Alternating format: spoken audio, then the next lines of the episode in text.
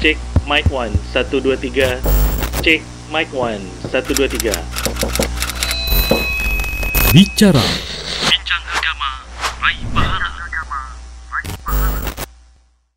Bismillah, Assalamualaikum warahmatullahi wabarakatuh. Alhamdulillah, wassalatu wassalamu ala rasulillah. Ma ba'du. Pemirsa Asia TV yang dirahmati Allah di mana pun Anda berada Kembali lagi di program Bicara Bincang Agama, Raih Pahala Dan seperti biasa insya Allah ta'ala Bicara akan membahas topik-topik yang hangat yang sedang terjadi di lingkungan kita Ataupun kita mendengar masalah tersebut Ataupun bahkan hal tersebut terjadi di diri kita Dan untuk membahas masalah tersebut kita akan coba mencari solusi atau jalan keluar dari uh, pandangan syariat. Dan tentu saja karena ini berkaitan dengan syariat, kita harus membahas masalah tersebut dengan guru kita Pak Asatiza yang telah diundang oleh tim kami.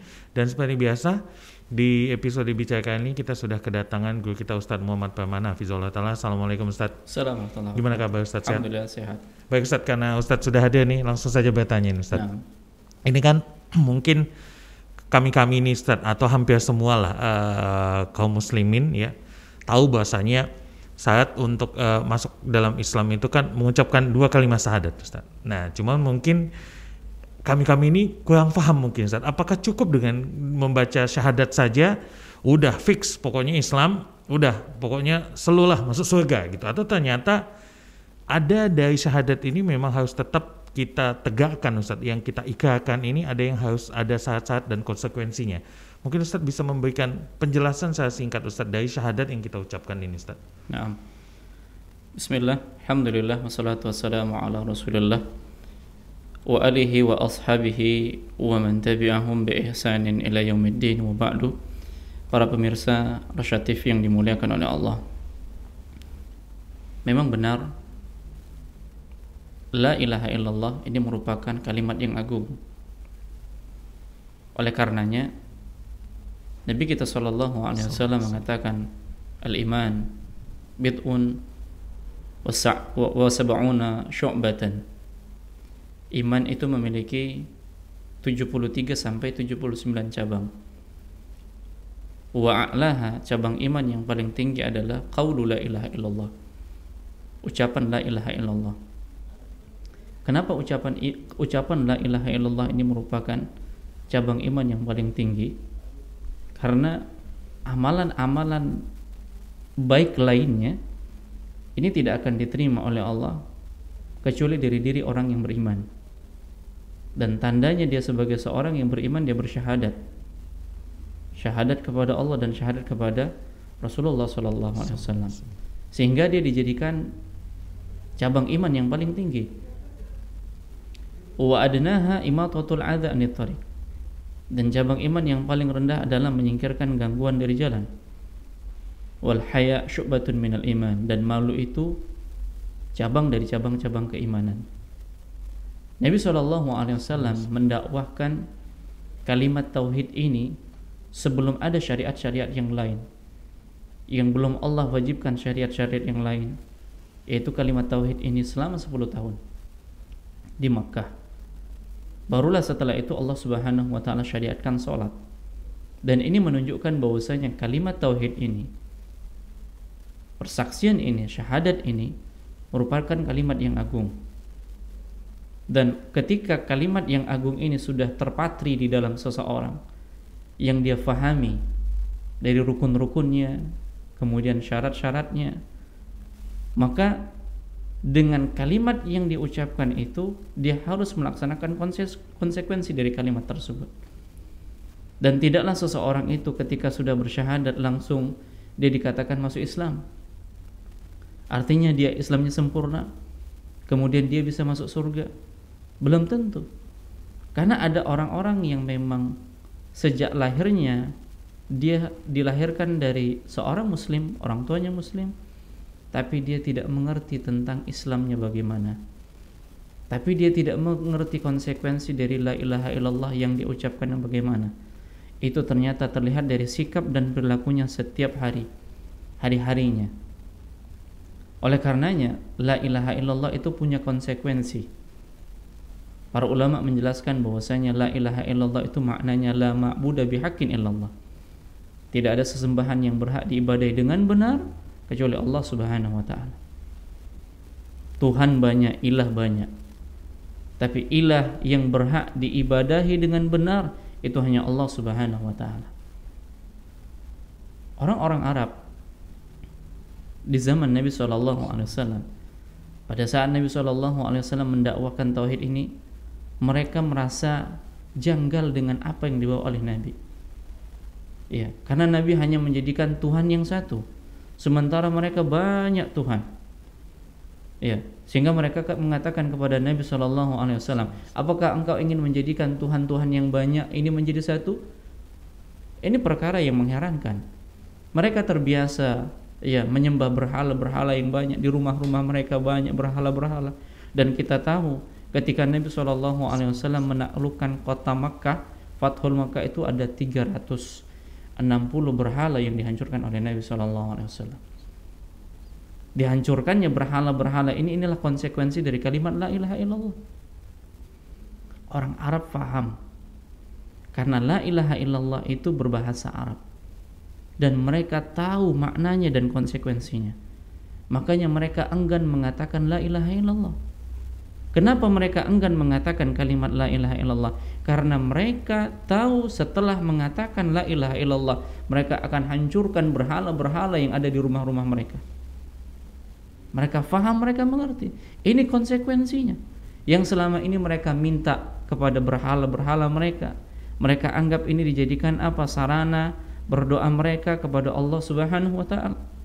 Ma nuqarribuhum illa liyuqarribuna uh, ma na'buduhum illa liyuqarribuna ila Allah zulfa. Kami tidak mengibadai berhala-berhala ini. Tapi agar kedekatan, agar kami ya bisa mendekatkan diri kami kepada Allah dengan sedekat-dekatnya melalui berhala-berhala ini. Nah, hari ini ketika kaum muslimin yang awal dari kehidupannya dia dilahirkan dari orang tua yang muslim tapi ternyata mereka tidak mengetahui konsekuensi dari la ilaha illallah. Apa indikasi mereka tidak mengetahui konsekuensi dari la ilaha illallah? Berapa banyak dari yang mereka lakukan ketika mereka bersandar itu bukan kepada Allah Subhanahu wa taala. Ketika mereka meminta bukan kepada Allah Subhanahu wa taala. Ketika rasa takut itu bukan takutnya kepada Allah Subhanahu wa taala. Tetapi kepada makhluk, kepada benda-benda yang tidak bermanfaat. Ya, kepada orang-orang yang tidak bisa memberikan manfaat dan tidak bisa menghilangkan kemudaratan dan ini bisa menggugurkan kalimat la ilaha illallah. Makanya Allah Subhanahu wa taala mengatakan fa'lam annahu la ilaha illallah. Ketahuilah artinya pelajarilah. Pelajarilah dengan benar la ilaha illallah itu apa? La ilaha illallah itu punya rukun. La ilaha illallah itu punya syarat. La ilaha illallah itu bisa batal. Makanya Allah mengatakan memerintahkan kepada kita untuk pelajari untuk memahami, bukan hanya sebatas untuk mengucapkan. Dan kita tahu nih, orang yang akhir dari kehidupannya bisa mengatakan kalimat la ilaha illallah, dia akan masuk surga. Hanya saja siapakah yang bisa mengatakan kalimat la ilaha illallah? Tentunya orang-orang yang memang mengerti dengan benar kalimat itu. Dan memang dalam kehidupannya sehari-hari dia mengamalkan kalimat la ilaha illallah.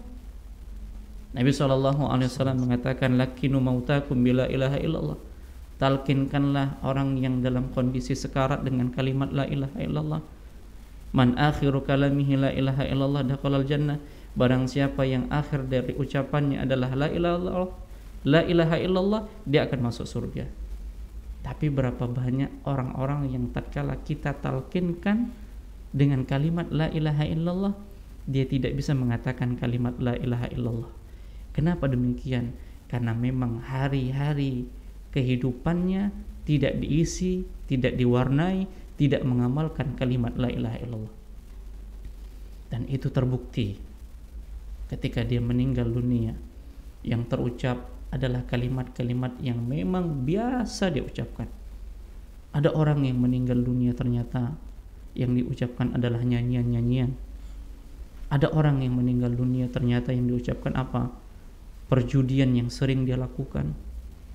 Ada orang yang meninggal dunia ternyata apa? dia menginginkan untuk minum minuman keras karena memang itu adalah kebiasaannya tapi orang yang hari-harinya mengamalkan la ilaha illallah mengerti maksud dan tujuannya serta konsekuensinya orang yang seperti inilah orang yang akan dimudahkan oleh Allah untuk mengakhiri kehidupan di dunia ini dengan mengatakan kalimat tauhid kalimat la ilaha illallah. Sungguh besar kalimat ini. Dan besarnya kalimat ini kewajiban kita adalah memahami dengan benar rukun-rukunnya syarat-syaratnya konsekuensi yang harus kita laksanakan dengan kalimat la ilaha illallah dan yang menggugurkan kalimat la ilaha illallah itu apa? Dan kewajiban terbesar bagi kita adalah terus belajar. Karena Allah yang memerintahkan kita belajar. Fa'lam ketahuilah pelajarilah fahamilah la ilaha illallah. Agar hidup-hidup kita ini agar kehidupan kita ini kita warnai kita habiskan ya kita manfaatkan untuk kalimat la ilaha illallah. Kita mulia dengan kalimat la ilaha illallah. Kita diwafatkan dengan kalimat la ilaha illallah. Dan dalam kondisi yang memang kita benar-benar memahaminya. Allah taala alam. Sallallahu alaihi wa ala alihi wa sahbihi wa barik wasallim Masya Allah, jazakallah ya Ustaz Barakallahu fikum. Berarti tidak cukup cuma di bibir saja Ustaz tidak ya. cukup Berarti banyak sekali yang harus kita gali lagi dari Nah. kalimat syahadat yang harus yang kita ucapkan itu Ustaz ya. Masya Allah. Baik pemirsa Asia TV yang dirahmati Allah di mana pun anda berada dan demikian baik sudah seluruh episode bicara pada pekan pada kali ini dan kita akan bertemu kembali pada program bicara berikutnya. Kita tutup pertemuan kita dengan doa kafaratul majlis. Subhanakallahumma bihamdika. Asyhadu an la ilaha illa anta astaghfiruka wa atubu ilaik. Assalamualaikum warahmatullahi wabarakatuh. Assalamualaikum